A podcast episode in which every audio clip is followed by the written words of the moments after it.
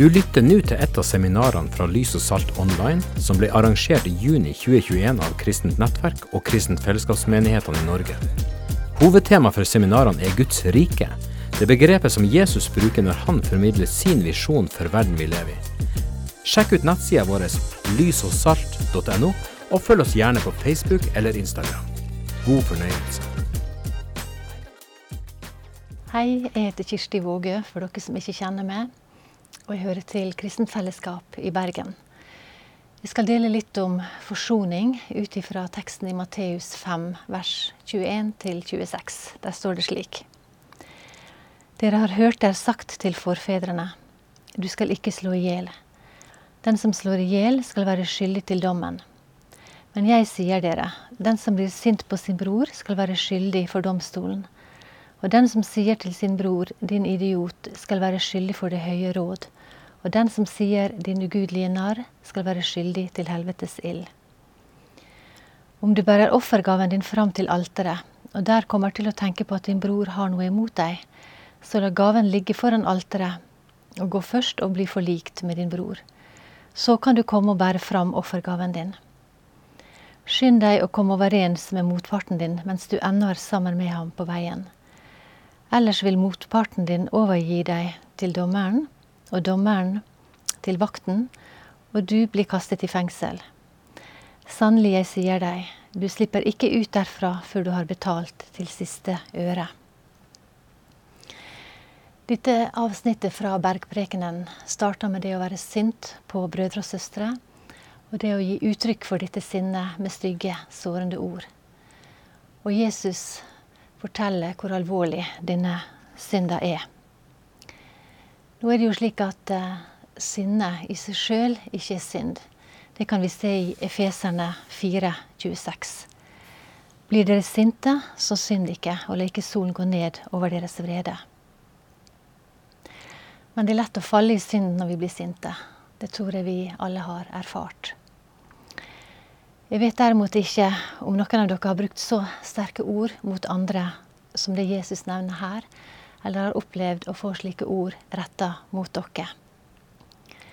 La meg bare med en gang få sagt, før jeg går videre, at dersom du har synder på dette området, så er det tilgivelse å få. Vi behøver ikke bli straffa med den straffa teksten beskriver men å gå til Jesus med synder, be om tilgivelse og bli rensa. Og dessuten, og det er det denne undervisninga handler om, gjøre opp med den vi trenger å forsone oss med. I ordspråkene 15.1 så står det milde svar demper sinne. Sårende ord vekker harme. En årsak til sinne er altså at vi blir såra pga. ord som blir sagt. Og dette igjen kan føre til at vi sårer tilbake med ord. Det behøver imidlertid ikke bli brukt så onde ord som vi har lest om her.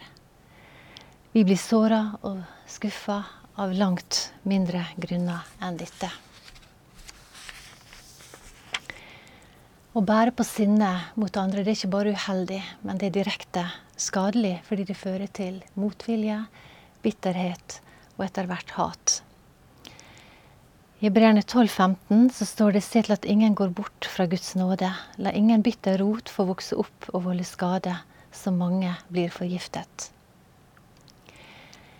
Vi leste i Matteus 5, og jeg skal lese det igjen om du bærer offergaven din fram til alteret, og der kommer til å tenke på at din bror har noe imot deg, så la gaven ligge foran alteret, og gå først og bli forlikt med din bror. Så kan du komme og bære fram offergaven din. Israelittene ofra jo på alteret, dette alteret pekte fram mot korset. Så alteret for oss i dag, det er korset, der Jesus ofra seg sjøl en gang for alle. Og offeret vårt er jo ikke dyr, men å gi oss sjøl til Han i tilbedelse og bønn. I Markus 11, 25-26 så er det en tilsvarende tekst som det vi leste i Matteus 5, og jeg har lyst til å lese den også. Men når dere står og ber og har noe å anklage en annen for, så tilgi ham, for at deres Far i himmelen kan tilgi dere. kan tilgi dere misgjerningene deres. Men om dere ikke tilgir, skal heller ikke deres Far i himmelen tilgi deres misgjerninger. Så både om vi har synda mot andre, eller at andre har synda mot oss, så må vi ta initiativet til forsoning. Hvordan gjør vi dette? Vi skal først se på det som står i Matteus når vi synder mot noen. Det er så enkelt som å erkjenne det vi har sagt gjort, og be om tilgivelse. Da tar vi 100 ansvar for våre ord, holdninger og handlinger. Og det er viktig ikke å komme med unnskyldninger. Det er forskjell på å si unnskyld og be om tilgivelse. Hvis vi smaker litt på disse ordene, så vil vi kjenne at tilgivelse stikker dypere. Bibelen bruker tilgivelse. Jeg kan ta et eksempel fra ekteskapet mitt.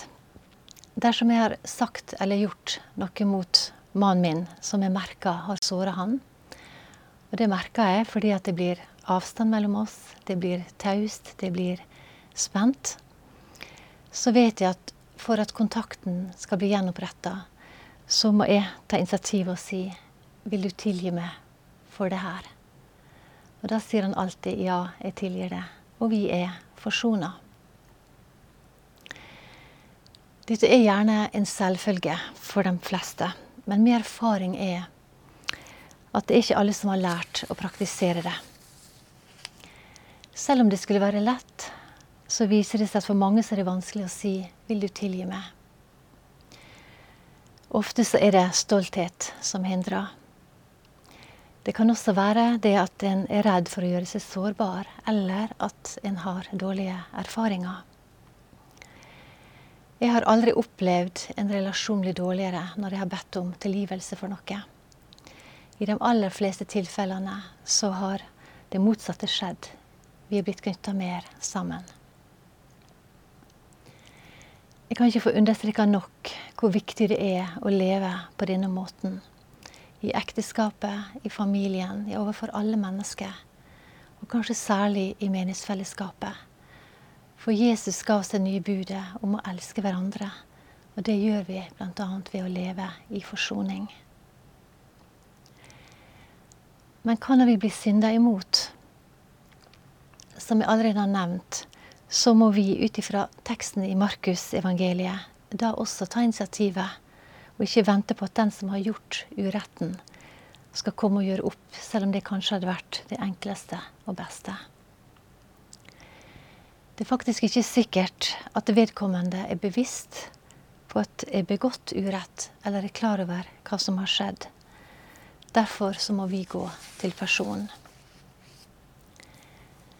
Noen ganger så klarer vi å tilgi uten å snakke ut.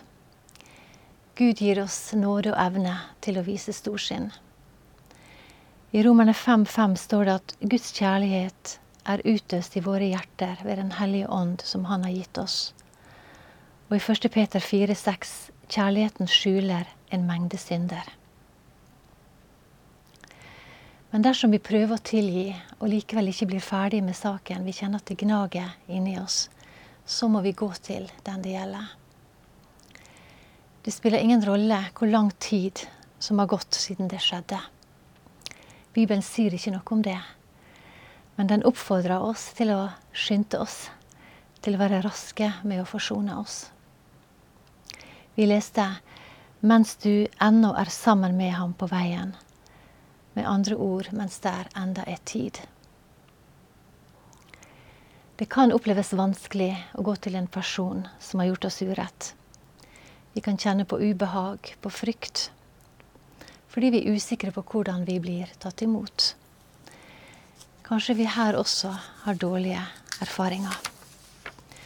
Og det er en reell mulighet for at måten vi blir møtt på, gjør problemet større. Men, og det er viktig, vi har ikke ansvar for den andre sin reaksjon. Vi har ansvar for å være lydige imot Jesu ord og leve i lyset.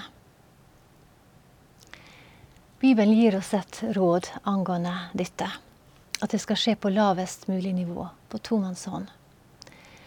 Å gå til media er langt fra den veien Jesus har bedt oss om å gå. Det er det, motsatte av å elske hverandre. Matteus 18, 15.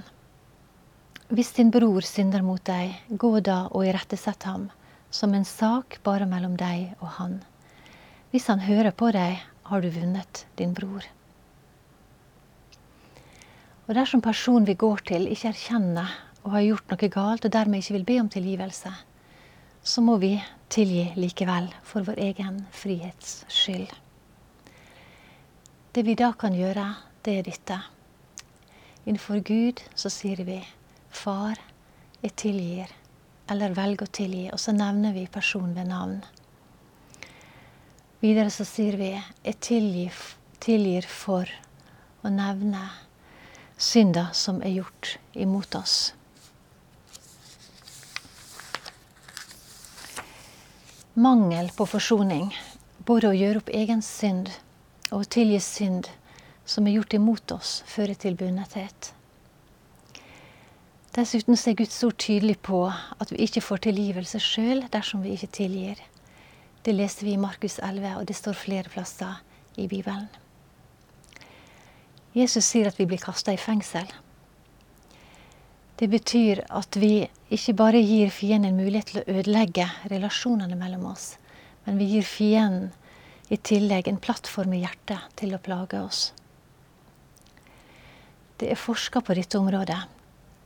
En professor i psykologi, Karsten Roche fra Concordia-universitetet i Canada, han sier at bitterhet fører til biologisk uregelmessighet ei fysiologisk hindring som påvirker stoffskiftet vårt, immunforsvaret vårt og riktig funksjon av organene våre. Dermed er vi mer utsatt for å få fysiske sykdommer. Og medisinske studier har bekrefta at fysiske sykdommer kan forhindres eller helbredes ved tilgivelse og forsoning. Tilgivelse og forsoning blir også brukt i psykiatrien som terapi mot bitterhet. Å ta imot en person som kommer for å ta opp noe, behøver heller ikke være lett. Jeg har ikke alltid håndtert det med takknemlighet og et varmt smil. Tvert imot så er det kjent at det har gjort vondt og forsvart meg. I slike situasjoner så må jeg be Herren om styrke for mitt indre menneske, og om hjelp til å være ydmyk. Jeg har måttet be om tilgivelse for feil reaksjon på dette området. Og jeg er så glad for at Gud er nådig, og at det er vekstmuligheter for oss. Det er verdt å nevne at gjenopprettelse i relasjoner ikke alltid er mulig, fordi det er to parter.